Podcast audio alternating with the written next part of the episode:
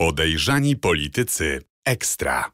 Zapraszają Radosław Gruca i Mariusz Gierszewski. Źle się dzieje w państwie duńskim, mówiło się przez ostatnie lata, nie mając na myśli Danii, a my patrzymy, co złego wydarzyło się w Hiszpanii. Dzisiaj w podejrzanych politykach ekstra opowiem Wam o bulwersującej historii, którą zaczęliśmy badać jeszcze przed wyborami, a nie mogliśmy jeszcze Państwu o niej powiedzieć, bo ukrywano wiele informacji przed nami, czyli przed państwem. Po to, żeby to ujawnić, zaprosiłem dzisiaj Mariusza Gierszewskiego, dziennikarza śledczego Radia Z. Dzień dobry, Mariusz. Dzień dobry, Radku. A ja nazywam się Radosław Gruca, jak y, podpowiada Mariusz Gierszewski, a wy y, zachęcam was wszystkich. Słuchajcie, subskrybujcie, komentujcie, bo wiele jest jeszcze do odkrycia. Mariusz, to ja taki mały wstęp.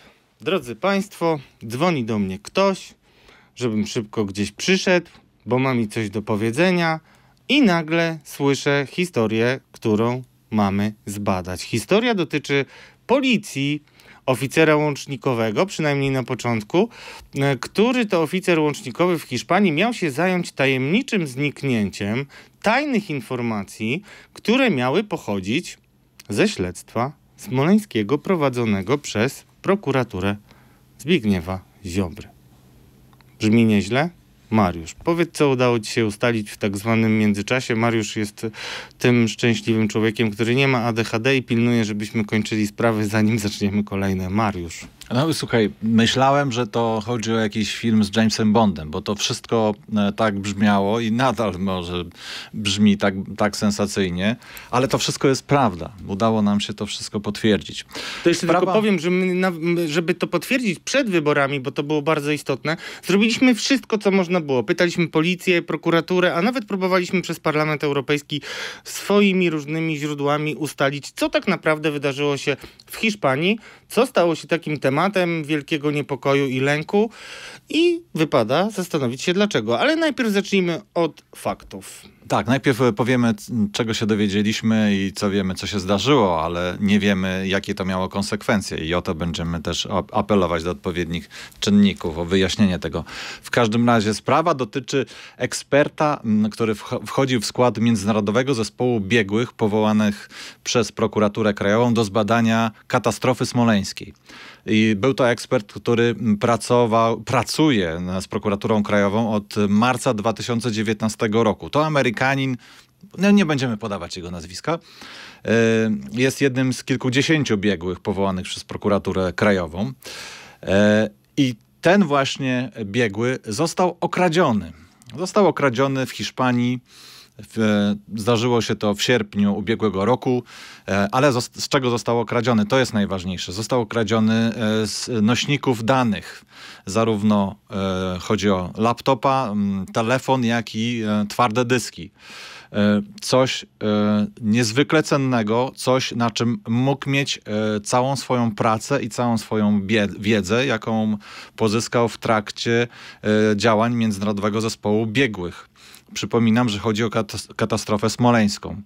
E, ten ekspert został okradziony w dziwnych okolicznościach, to znaczy zdawał samochód e, przy lotnisku do takiej wypożyczalni samochodów i e, został, zdaje się, przez dwie czy trzy osoby napadnięty. No, wyglądało to na taki zwyczajny rozbój. Zgłosił to na policję hiszpańską. Ta, mm, e, no, policja hiszpańska jest znana z tego, że to maniana, ona tak szybko nie pracuje, ale e, po jakimś czasie e, policja hiszpańska uznała, że no, z powodu niewykrycia sprawców sprawa została zakończona. Dowiedzieliśmy się jeszcze, że mm, tutaj włączono także oficera łącznikowego policji polskiej, tak aby on e, tam nawiązywał i prosił, o, nawiązywał e, współpracę i prosił o, o, o, pomoc. Priorytetowe potraktowanie sprawy, bo tutaj, drodzy wyszło. Państwo, takie kulisowe mm, miałem też e, przesłuchy, że tak nie wszyscy mieli pełne przekonanie, że policjant bardzo stara się wyjaśnić tę sprawę, a może po prostu prostu starał się, żeby ona nigdy nie wyszła, więc y, tego nie możemy przesądzać. I to, co my mówimy, to jest relacja, którą złożył ten właśnie ekspert. I cóż, co na to ostatecznie hiszpańska policja i co powiedziała prokuratura? No, hiszpańska policja sprawę zakończyła. E, myśmy długi czas od sierpnia, tak jak opowiadałeś, próbowali poznać, jaka jest prawda i dowiedzieć się, co o tym sądzi polska prokuratura. No, otrzymaliśmy odpowiedzi już nie od prokuratury Barskiego, tylko od prokuratury rządzonej teraz przez e, nową ekipę. Bilewicza. Bilewicza, tak. E, no, ale dowiedzieliśmy się właśnie i otrzymaliśmy, otrzymaliśmy taką odpowiedź, że nic się nie stało, że prokuratura Barskiego uznała, że nic się nie stało. Dlaczego? Dlatego, że mm, jak tu czytam w odpowiedzi, mm, ekspert zapewnił, że część z posiadanego przez niego sprzętu elektronicznego była zabezpieczona przed dostępem osób nieupoważnionych że i właśnie ta odpowiedź i to tłumaczenie zadowoliło, e, zadowoliło prokuraturę krajową, bo jak tu czytamy, uznano, że sprawa jest zakończona, a w Polsce nie toczyło się postępowanie dotyczące ewentualnego przestępstwa. E, I dla mnie jest to szokujące, to, to skandal. To znaczy, no, myślę, że e, ta sprawa powinna być wyjaśniona, czyli powinno być wszczęte jakieś śledztwo i wyjaśnione, co było na tych nośnikach danych, do czego miał dostęp e, ekspert, z, amerykański ekspert z tego zespołu biegłych, co mogło się dostać i w czyje ręce. To jest kluczowe. To jest kluczowe naprawdę, proszę Państwa. To mogły być takie dane, których nawet nie miała komisja Macierewicza. Nawet na pewno to były takie dane, ponieważ yy, było dużo sprzecznych informacji o katastrofie smoleńskiej przez ostatnie lata. Antoni Macierewicz y, wykonał zupełne piruety wykazane przez y, y, film dokumentalny TVN-u, gdzie no, pokazano, że bardzo wiele kłamstw w działaniach komisji miało miejsce i między innymi opierano się na różnych ustaleniach prokuratury. Sami dziennikarze prawicowi, mm, prorządowi, propisowscy zwracali uwagę na ten rozdźwięk, który jest między prokuraturą a mm, Macierewiczem. Wręcz, wręcz zarzucali Antoniemu Macierewiczowi e, sabotaż. No i też e, mało kto pamięta, ale pod koniec kampanii wyborczej nawet prezes zaczął tam jakieś e, przy okazji miesięcznicy 500, czy nie wiadomo której, można oczywiście to policzyć, yy, mówił o tym, że trzeba zrobić śledztwo w sprawie zamachu i oczywiście mm, kierował te słowa do Zbigniewa Ziobry. A okazuje się, że tutaj, mimo że mamy taki wyciek informacji, bo tam my nie wiemy, co tam było, bo nie mamy poświadczenia bezpieczeństwa odpisu, y, więc y, trudno nam o tym mówić. Natomiast no, na pewno są gremia, które mogłyby to wyjaśnić i z pewnością tak powinno się stać. Kto mógłby Twoim zdaniem e, być e, odpowiedzialny za to, poza tym, że no, nie wątpię, że śledztwo trzeba będzie teraz wszcząć na nowo? Znaczy, no, u nas nie było śledztwa. No właśnie, no trzeba, no by właśnie, zacząć, trzeba zacząć, trzeba zacząć tak. w ogóle śledztwo. No, możemy sobie tutaj puścić wodze fantazji i komu mogłoby zależeć? No mogłoby zależeć naszym y, wschodnim sąsiadom, którzy, y, dla których to zawsze było, katastrofa smoleńska była świetnym paliwem do tego, żeby skłócać Polaków, skłócać nas tutaj. Y, więc dla nich to wyśmienita okazja do, mm, do, poznania tego, do czego doszła polska prokuratura, czy jakimi ścieżkami, y, kto nam pomagał, kto nie pomagał i tak dalej. No, cały zasób wiedzy super wiedzy, bardzo potrzebnej w dzisiejszych trudnych czasach, czy potrzebnej no, temu, kto chce to negatywnie wykorzystać przeciwko nam. Oczywiście. Na pewno jest tak. to dobrze, że mówisz o tym paliwie, bo też e, przypomnijmy, e, Grzegorz Rzeczkowski w swojej książce o tym, w jaki sposób budowano kłamstwo smoleńskie, pisał dużo o rozmaitych fejkach kolportowanych między innymi w internecie e, wypływających w Rosji.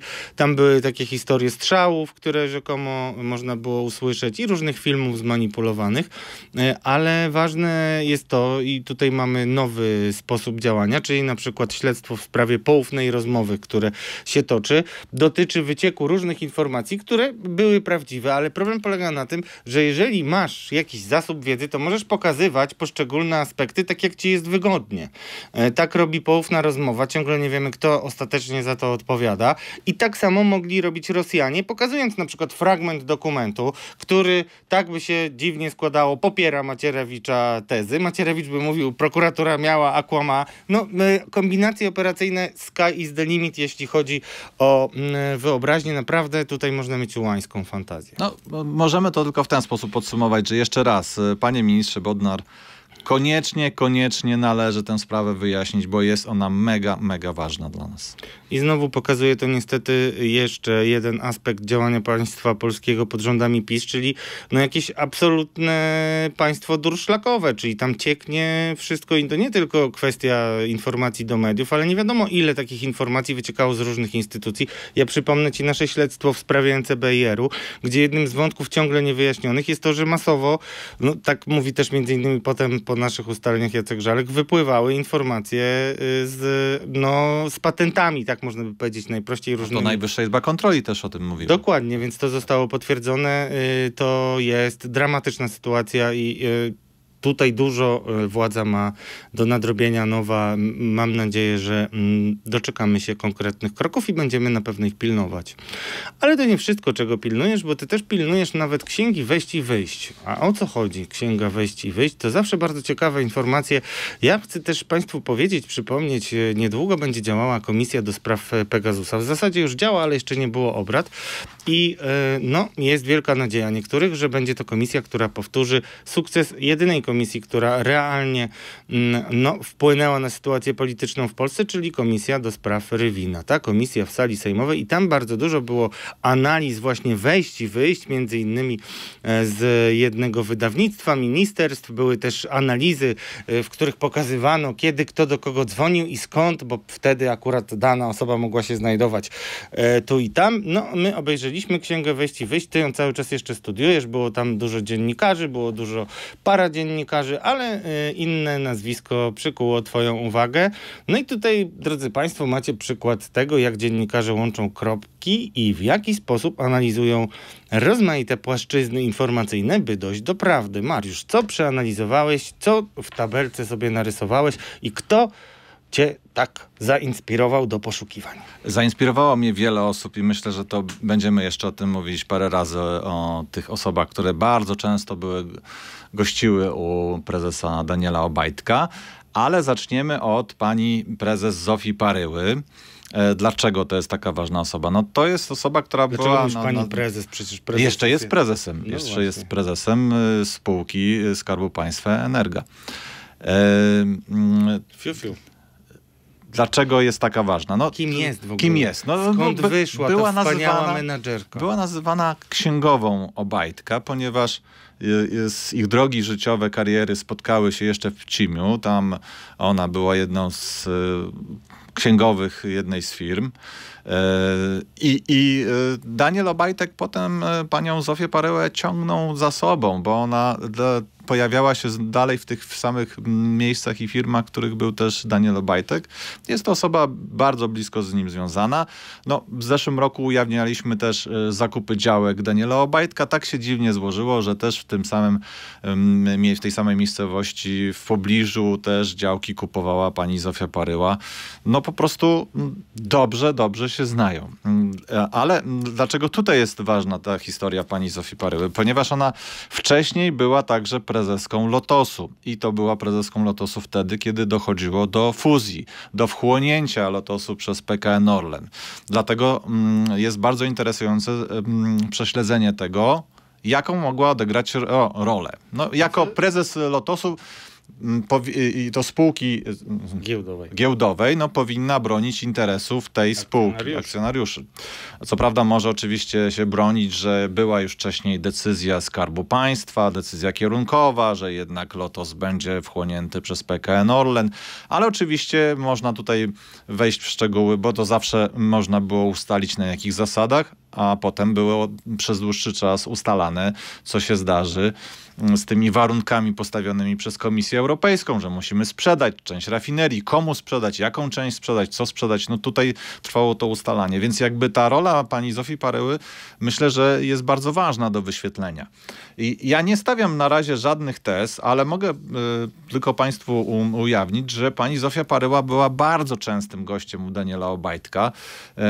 21 razy ale gościła u kiedy? Może, prezesa. może po prostu już Więc, chciała przed... e, No księgowa, no warto pogadać. Yy, właśnie powiedziałeś- Wyszły. Powiedziałeś, powiedziałeś o, o tych, tej tabelce. Ja tutaj może tak dosyć nie, nie, nie wydrukowało nie, no, się nie za dobrze. Natomiast natomiast, natomiast nałożyłem wszystkie daty wejść pani prezes do pana prezesa y, Obajtka na to, co się działo z jej karierą i co się działo także właśnie z procesem fuzji, postępującym procesem fuzji. I tak to jakoś wygląda, że mm, najwięcej tych wizyt, aż 14 razy, 15 razy, 14 razy, przepraszam, bo tutaj jeszcze jedną dopisałem gdzie indziej, 14 razy pani Zofia Paryła no, te wizyty złożyła mm, wtedy, kiedy już była prezesem Lotosu. E, Już było wiadomo, że do tej fuzji dojdzie, ale właśnie wtedy negocjowano te warunki postawione przez Komisję Europejską, czyli ile mamy tej rafinerii gdańskiej i komu sprzedać. No i wtedy pani Zofia Paryła była bardzo częstym gościem w gabinecie Obajtka, no mówię 14 razy wcześniej. Mm, e, No tutaj mam taką datę, e, 7 grudnia 2020 rok. Właśnie tego dnia pani prezes y, Zofia Paryła została prezesem Lotosu, bo wcześniej była pełniącą obowiązki, a wcześniej była jeszcze wiceprezesem. I co? I tego, tego, tego samego dnia też była mm, gościem u Daniela Obajtka, no czyli pojechała. y, Całować pierścień. No, Nie, przepraszam, jest każdym razie- ale, e, ale zrozumcie państwo, że tutaj mamy kolejny przykład takiego zupełnie e, no, niezrozumiałego e, działania osoby, która powinna być odpowiedzialna za swoją spółkę, za jej interes i też y, y, złapię cię trochę za słówko, żeby, y, żeby to było jasne. Mm, no, y, bo powiedziałeś o ustalaniu warunków, y, które wskazywała Komisja Europejska. To nie było tak, drodzy Państwo, że Komisja Europejska powiedziała sprzedać to, to, to, to, to, to, to. Tylko powiedziała, że nie może być tak, że to jest jeden monopolista, trzeba się pozbyć tego, tego i tego. Znaczy generalnie. Natomiast my mieliśmy pewną e, no tutaj wolność e, w zaproponowaniu, jak to rozstrzygamy. I prezeska Lotosu powinna myśleć o tym, żeby nie było tak, jak jest dzisiaj na koniec dnia, że wszyscy albo no bardzo wielu ekspertów mówi o tym, że realnie fuzja była prywatyzacją Lotosu. Tak. e, Ja zapytałem panią prezes mm, przez obecną spółkę, której, e, której jest prezeską, e, o to, mm, czy nazwałaby te kontakty z Danielem Obajtkiem, Obaj- Obajtkiem intensywnymi. Niestety nie dostałem odpowiedzi. E, Zapytałem ją także o to, czy była zwolenniczką połączenia Lotosu i sprzedaży części rafinerii gdańskiej, czyli jakie miała poglądy na ten temat wtedy, kiedy teraz i wtedy, kiedy właśnie prowadziła ten statek Lotosu. No też nie uzyskałem odpowiedzi. Wiesz, jak się zasłonięto? Zasłonięto się w ten sposób, że napisano mi, szanowny panie redaktorze, większość czasokresu, o który pan pyta, nie dotyczy spraw związanych z Energią SA. No tak, bo pani jest dzisiaj prezeską. No, tak, e, no więc super. e, to nie wiem, to znaczy chyba muszę prywatnie jakoś e, się zgłosić i zapytać, czy to... Nie wiem. No, Oby się nie zgłosiła do niej prokuratura, bo będzie na pewno miała dużo do powiedzenia. Jest śledztwo, przypomnijmy. Dodam tylko, że oczywiście pani prezes może powiedzieć, że ponieważ e, właściciel, czyli Skarb Państwa już ustalił wtedy, że dojdzie do takiego połączenia, więc ona realizowała tylko e, plany swoje właściciela Skarbu Państwa, tak? No i rzeczywiście, jako adwokat diabła powiem, że drugi prezes firmy, która została wtedy wchłonięta, bo o tym zapominamy, ale został także wchłonięty PGNiG. I to firma, która była prawie równorzędna w stosunku do Orlenu i praktycznie to można było zrobić odwrotnie. To PGNiG mógł schł- wchłonąć Orlen, ale prezes PGNiG-u yy, mm, Paweł Majewski też bywał u Obajtka i to jest liczba dosyć podobna tych wejść y, z tego, co y, ustaliłem. Więc ja dotarłem do, do ludzi y, byłego prezesa Majewskiego i zapytałem, y, czy on też tak gorliwie jeździł. No, oni odpowiedzieli, że on był wzywany, że to była raczej pokuta, że on był wzywany wtedy, kiedy coś e, nie podobało się w Orlenie i natychmiast go wzywano, dlaczego tego jeszcze nie ma, dlaczego nie ma takiego działania, e, że on stamtąd wychodził jak po prostu no, po ciężkich, ciężkich przeżyciach. Mm, Czy tak było w przypadku pani Zofii Paryły? Tego nie wiem. No, tutaj niestety nie odpowiedziano mi na pytania. A to ciekawe bardzo, co można wywnioskować z tych informacji. Zwracamy akurat uwagę na y, te osoby, ale tak jak mówisz, będziemy do niektórych wracać.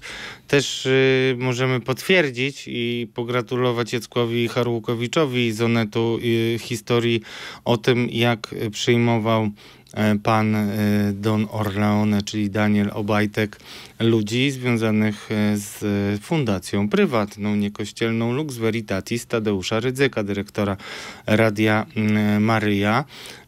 I słyszeliśmy, powiedzmy, może możemy potwierdzić rzeczywiście kuriozalność trochę tych wizyt, bo okazuje się, że w tym przypadku akurat Don Orleone musiał przychodzić na dół, żeby pani nie była, no, żeby wprowadzać na włości. Księgowa e, tak. ojca Ryzyka. Księgowa, tak. tak. Zjeżdżał na dół windą i witał ją tam przy bramkach wejściowych. Tak, tak nam ty, przekazywano. I ale to się... wiesz dlaczego o tym mówię? Bo chcę tutaj e, zapowiedzieć e, coś, co jest chyba nieuniknione. Bardzo dużo mówiło się o tym, że te wszystkie spotkania Daniela Obajtka są pilnie obserwowane przez ludzi, którzy tam są do obserwacji i na pewno do tego wrócimy, bo wiele tych obserwacji może być e, ciekawych. Ja jeszcze powiem od siebie, że jak patrzyłem na e, tę e, listę wejść, ty ją analizujesz bardzo głęboko, ale kiedy na nią patrzyłem, to zwróciło moją uwagę, że niektórzy goście tam spędzali po 5-6 godzin. Ja tak się zastanowiłem, czy ja kiedykolwiek byłem z jakąś wizytą w jakimkolwiek przedsiębiorstwie, nie prowadząc szkoleń albo nie prowadziłem w przedsiębiorstwach Skarbu Państwa szkoleń, szkoleń. Eee, no nie pamiętam, żebym 5 godzin siedział. Ciekawe, co można tak 5 eee, godzin robić. To, to teraz y, tutaj też muszę e, dodać dwa zdania od siebie, że drodzy Państwo, ja też oczywiście na tej liście jestem, bo też był taki czas, że, że bywałem, ale no nie u Daniela Obajtka, byłem raz tylko u Daniela Obajtka i wtedy rzeczywiście E, był to wywiad, który można sprawdzić, był puszczony tutaj w Radiu Z, był wywiad z Danielem Obajtkiem, ale bywałem też u wiceprezesa e, Adama Buraka. Natomiast moje wizyty zakończyły się 21 września 2021 roku. E, wtedy byłem po raz ostatni i później już nie jeździłeś gdzieś nie na stacje benzynowe też. Nie jeździłem, ale oczywiście przyznaję, tak, były też i moje wizyty. Ale nie masz wcześniej. się co do czego przyznawać, ale to też jest potwierdzenie wiarygodności tej listy i to jest jedna rzecz. A druga rzecz, o której Mariusz, yy, nie wiem czy nie pamiętasz, czy, yy, czy przez skromność pewną, nie mówisz o tym, ale ja pamiętam, że jak już mówimy o wiceprezesie Buraku, to akurat nie kto inny jak ty pisałeś o pewnym śledztwie, które e, nagle było prowadzone w sprawie e, ewentualnego przyjęcia korzyści. Więc tutaj nie ma mowy o żadnym blatowaniu się i nigdy nie będziemy się z nikim, państwo drodzy, blatować. Jeśli chodzi o blatowanie się, to wydawać by się mogło, że służby pisowskie jednak skoncentrują się głównie na tych ludziach, których traktują jako przeciwników politycznych. No tak jakby ta agresywna retoryka i tak dalej wydawałaby się prowadzić do takich wniosków, a dzisiaj okazuje się, że mogło być e, no wręcz odwrotnie, chociaż Zaraz pokażemy Państwu, że możemy mieć tutaj z Mariuszem pewne y, zdania, że tak powiem, odrębne, odrębne. ale y, no powiedz Mariusz przede wszystkim, bo to jest niesamowita historia, y, która z jednej strony wpisuje się w różne dyskusje o tym, jak byli podsłuchiwani, manipulowani, jak grożono politykom PiSu i Zjednoczonej Prawicy na podstawie pozyskanych nielegalnie informacji i kompromatów. I to się wpisuje w dyskusję o Pegasusie, ale tak naprawdę było dużo więcej różnych y, narzędzi, y, które mogły być y, użyte. Część powiedzmy ślady takich działań szantażowych e, pokazuje Komisja Kopertowa w moim przekonaniu w bardzo małym zakresie, no to opowiedz jak wyglądało to jeszcze przed wyborami, kiedy PiS miał wszystko, telewizję, służby, prokuraturę, policję, straż graniczną i nie wiadomo co jeszcze e, i jak traktował też ludzi e, w walce z tymi, którzy byli najgroźniejsi. Najgroźniejszym e, wrogiem w czasie wyborów jest kolega z listy. Dokładnie. E, teraz, teraz wszyscy oczywiście mówią o tak zwanej liście Pegasusa. O tym też w Radio Z Państwo usłyszeli. Też mówiliśmy o tym, że według naszych informacji to jest tam lista około 30 nazwisk. Znalazły się tam na, na te, według nas na tej liście inwigilowanych, bo to nie tylko chodzi o powiedzmy, że włączono wobec kogoś y, ten program szpiegujący Pegasus, ale też przeprowadzono różnego innego rodzaju operacje mm, e, zmierzające do tego, żeby zebrać tak zwane kompromaty, czyli, czyli dowody kompromitujące, aby móc wpływać na dane osoby. Tam na tej liście według nas jest y, y, wicepremier Kowalczyk, jest mm, poseł Mejza, jest Adam Bielan, o, Sobo, pan Sobolewski, czyli, Były czyli ba, sekretarz sekretarz, bardzo ważna postać w PiSie. E, Ale też zbierając informacje na temat tej listy, właśnie natknęliśmy się na tą historię, która, tak jak powiedziałeś, pokazuje, no jak łamano nieraz e, kariery. E, No nie nieraz, ale łamano teraz przed wyborami. To jest To przykład swoim. i to swoim. E, Sprawa mm, dotyczy e, wieloletniego posła, pięć kadencji. E, Naprawdę myślę, że nawet wielu posłów e, wczesnej opozycji, a teraz y, y, Koalicji Obywatelskiej mogłoby powiedzieć dobre zdanie o tym człowieku, to poseł Tomasz Latos, y, przewodniczący Komisji Zdrowia. Naprawdę myślę, że fachowiec i poseł z krwi i kości. No Jak pamiętamy, może Państwo pamiętają, tuż przed wyborami gruchnęła taka informacja, że nie startuje i nie wiadomo dlaczego. A nawet pojawił się taki opis, e, że prezes Jarosław Kaczyński przyszedł na posiedzenie prezydium Komitetu Politycznego i powiedział, że Latos nie będzie kandydował. Dodał, że ta sprawa jest bardzo poważna. Mm, Tak komentowali nasi koledzy Andrzej Stankiewicz i Renata Grochal w e, naszym, e, u naszej konkurencji, czyli w stanie wyjątkowym. E, I właściwie do dzisiaj nie wiadomo, dlaczego nagle Tomasz Latos, który chciał kandydować i nigdy nie padło z jego ust, że kończy karierę polityczną przed wyborami, nagle zniknął, zaszył się, przestał odbierać telefon i no i nie znalazł się na liście. No i dzisiaj to już y, wiemy. Otóż y, zastosowano wo wobec niego najgorsze, jakie można metody, y, czyli takiego politycznego szantażu. Otóż jeden z asystentów jednego z posłów, nie będę go tutaj wymieniał, posłów PiSu, Z karierą w rządzie też swego czasu. a, złożył w, e, zeznania w, do jakiegoś śledztwa mm, w prokuraturze, gdzie obciążył posła Latosa pomówieniami, że zadaje się z firmami farmaceutycznymi, że robi nieetyczne rzeczy, a może nawet gorzej. I to dotarło, czy zostało zaniesione specjalnie na Nowogrodzką, jak widać. Dotarło to do uszu prezesa, który zadziałał, no tak jak prezes działa, tak Jarosław Kaczyński tak, pre, tak działa, że po prostu ścina głowę. I ściął głowę. Tomasz yy, Latos yy, nie komentuje, nie chce się na ten temat wypowiadać. Nie Yy, dementuje. Tak, yy, no jest w tej chwili yy, Niby osobą prywatną, Osobą prywatną. to wszystko dotyczy jego działalności Yy, politycznej. Rozumiemy, że to jest bardzo niewygodna dla niego w tej chwili sytuacja, jeżeli wyjdą, wychodzi ta informacja, że jego własny obóz w ten sposób z nim postąpił. No ale niemniej musimy to pokazać i musimy to powiedzieć. Tak, wobec tego człowieka zastosowano takie metody, że mm, nie pojawił się na tej liście i jak rozumiem, konkurenci z jego regionu dostali się do Sejmu, on nie.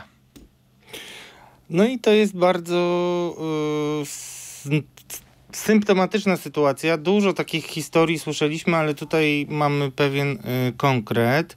No i chciałem cię zapytać jeszcze, bo wie, już widzę oczyma wyobraźni, jak nasi widzowie y, w, komentują y, twój, y, twój opis tej sytuacji, że prezes jak zwykle wziął i ściął głowę. Czy ty jesteś jednym z tych, którzy tak wierzą, że prezes jest legalistą i człowiekiem, który jeśli wie o jakichś przestępstwach czy nieprawidłowościach, to ściąć im głowę, ściąć im głowę jak bohaterowie Alicji w Krainie Czarów, czy może tu była jakaś jednak kalkulacja stricte polityczna, jak, two, jak twój nos, Brianie, mój drogi, e, Mm. podpowiada? Bo tak trochę zabrzmiałeś, jakbyś, no ty, wiecie, ja mam e, serce e, łaskawe dla niektórych, a, a Mariusz generalnie, a priori zakłada zawsze najpierw, że ludzie są dobrzy, ja też, ale nie wszyscy i w polityce jest ich nie tak bardzo dużo. Prezes Jarosław Kaczyński zawsze deklarował, że e, jest przeciwko korupcji, przeciwko korupcji na różnym poziomie i różnego rodzaju, tak? Jak to mm, było z trzema wieżami, z dwoma wieżami, no to oczywiście Państwo mogą poczytać i tutaj wyrobić sobie zdanie, czy rzeczywiście, tak jak mówi, tak robi. No właśnie, i to jest. Ale y, na pewno y, prezes potrafi działać gwałtownie, tak? To bardziej y, moja wypowiedź zmierzała może do tego. Do gwałtowności że, niż do oceny. Czy, czyli jeżeli ktoś y, ma dostęp do ucha, miał dostęp do ucha prezesa, to potrafił na niego wpływać i powodować, że on właśnie wykonywał takie dosyć zdecydowane, podejmował decyzje, tak? Czy one tak. były trafne?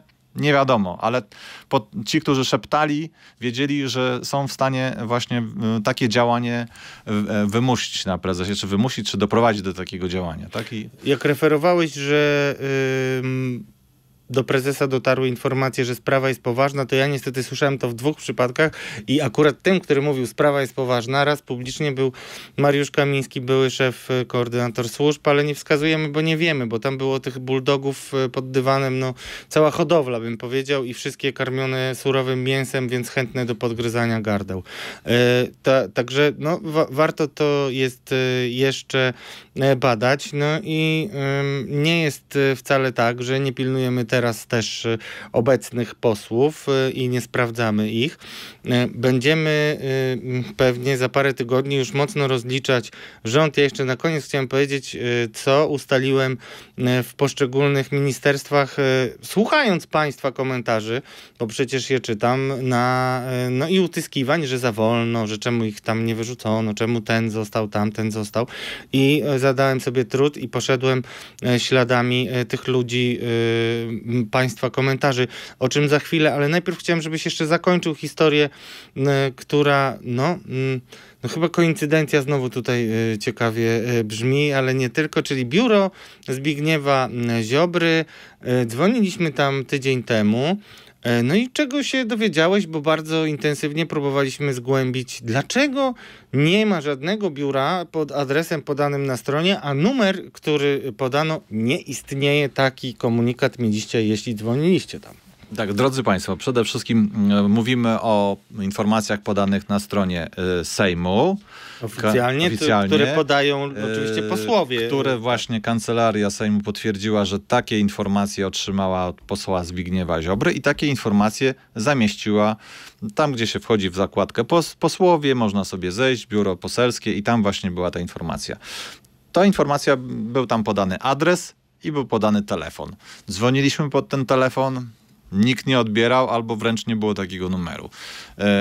Nasza wysłanniczka pojechała pod ten adres do Rzeszowa, dostaliśmy zdjęcia, nie było żadnej tabliczki, nie było żadnego szyldu, nie było nic, co by wskazywało, że jest tam biuro poselskie Zbigniewa Ziobry. Zaczęliśmy więc dobijać się do zarówno przedstawicieli Solidarnej Polski, jak i też wysłaliśmy maila na, na, adres zamieszczony też na stronie sejmowej.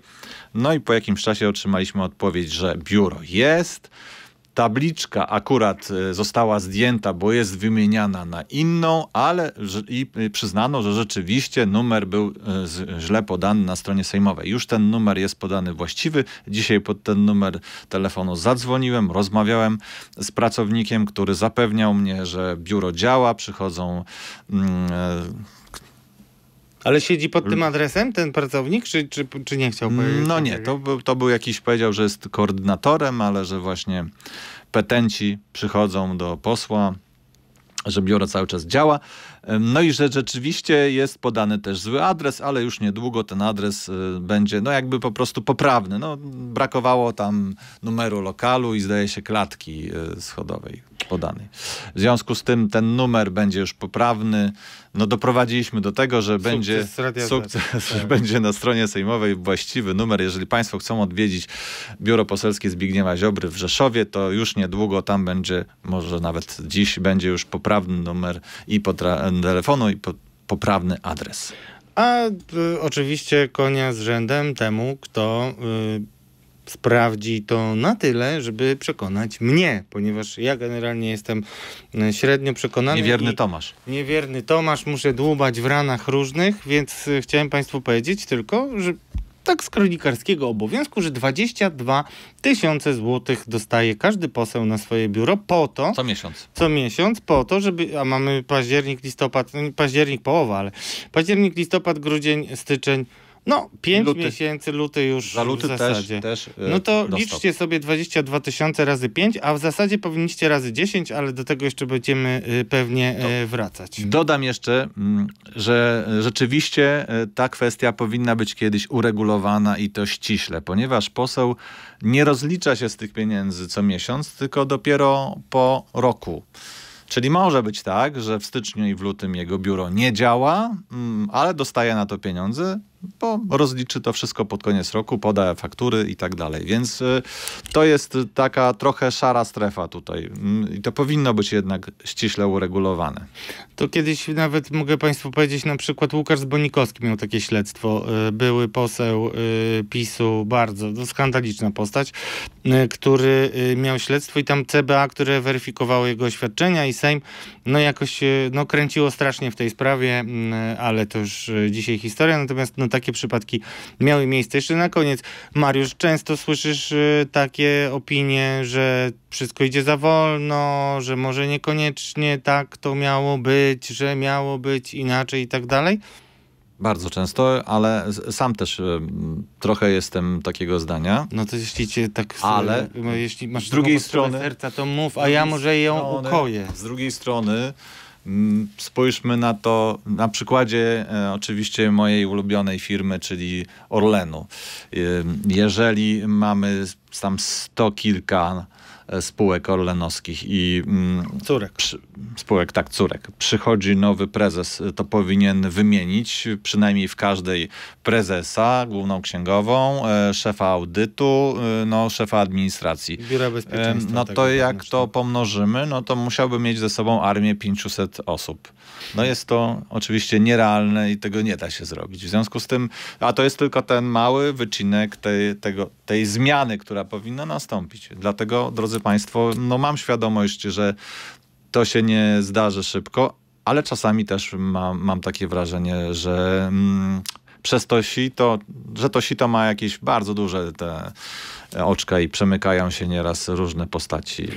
No dobrze, to ja teraz e, sięgam tutaj do mojego rezerwuaru kamyczków do ogródka i pierwsza rzecz, e, komendant główny policji, e, który, a w zasadzie, no nie, nie komendant, tylko MSW. E, W połowie miesiąca mieliśmy mieć e, raport odnośnie zdarzenia z granatnikiem, jeszcze kilku innych. Też już wiadomo, że jakieś horrendalne pieniądze będziemy musieli zapłacić za e, Black Hawka. Słyszałem kuriozalne wypowiedzi, że przecież to na pewno jest e, mm, ubezpieczone, tak się tłumaczyli politycy PiS. Słabo mnie to przekonuje. A mówię o tym dlatego, że wiele komentarzy ze strony e, policjantów obecnych i byłych trafiło do nas, kiedy ujawniliśmy dokładną kwotę, którą usłyszeliśmy w naszych źródłach w komendzie. 17 tysięcy złotych kosztował remont, ale też wiemy, tak przynajmniej nas zapewniano i tego się trzymamy, że to wcale nie znaczy, że ktoś tam palcem, grzebalcem próbuje y, tą tak sprawę rozmasować, czy tam coś. Nie, nie. Tak słyszeliśmy, że nie będzie tutaj y, litości. No ale jeszcze tego raportu nie ma. Jest 15. No, zobaczymy. Mówimy o tym dlatego, że będziemy na to czekać. Też pierwsi ujawniliśmy wybuch e, w komendzie i że był ranny wysoki oficer. No i cóż, to się wszystko potwierdziło.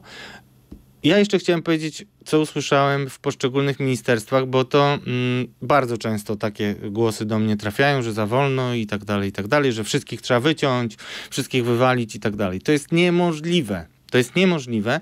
I teraz nie chodzi, co usłyszałem, powiem na dwóch przykładach. Usłyszałem, że z jednej strony, no oczywiście nawet e, ci, którzy przyszli, nie spodziewali się, że te doły też są tak zabetonowane jak góra, że wszyscy myśleli, że tam ci zadbali o siebie, ale okazuje się, że masę tych różnych pociotków, radnych, y, rajców y, i tak dalej mm, trafiło na różne niskie szczeble. I teraz wyrzucić ich tak po prostu, to nie jest takie proste z różnych powodów.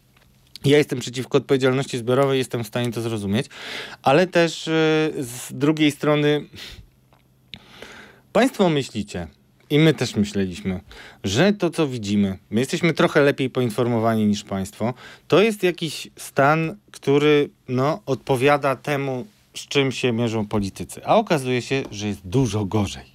Dużo, dużo, dużo gorzej. I teraz jaki mają, postawcie się na chwilę na miejscu e, tej władzy, która przychodzi na przykład do Ministerstwa Aktywów Państwowych i ma się zajmować Orlenem, I no to jest no, no po prostu ile ludzi w ogóle musi się tym zajmować, to zostawmy. A nagle okazuje się, że w innej zupełnie e, spółce, nie wiem, w KGHM-ie, wychodzi po prostu jakaś horrendalna ekipa, która doi tą spółkę i tak dalej, i tak dalej, o której nikt nic nie wiedział. I jak mają oni wszyscy, nawet jakby gremialnie weszli do ministerstwa, to ogarnąć.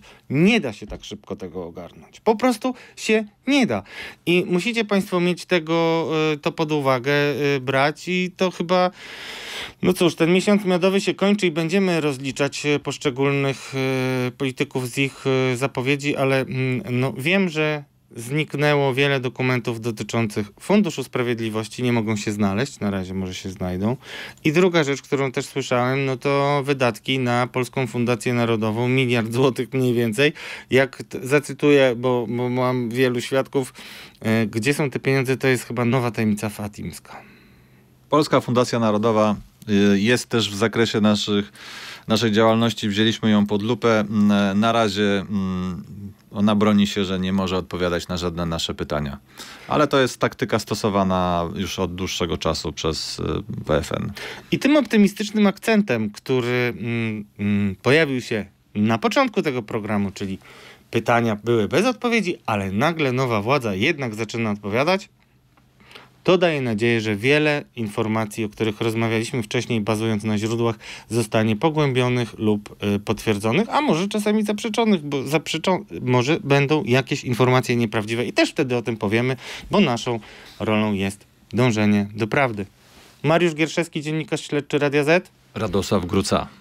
Dziękuję serdecznie. Widzimy się y, także w piątek wieczorem. Y, zapraszamy. Pamiętajcie o subskrypcjach i do zobaczenia w przyszłym tygodniu. Podejrzani politycy ekstra.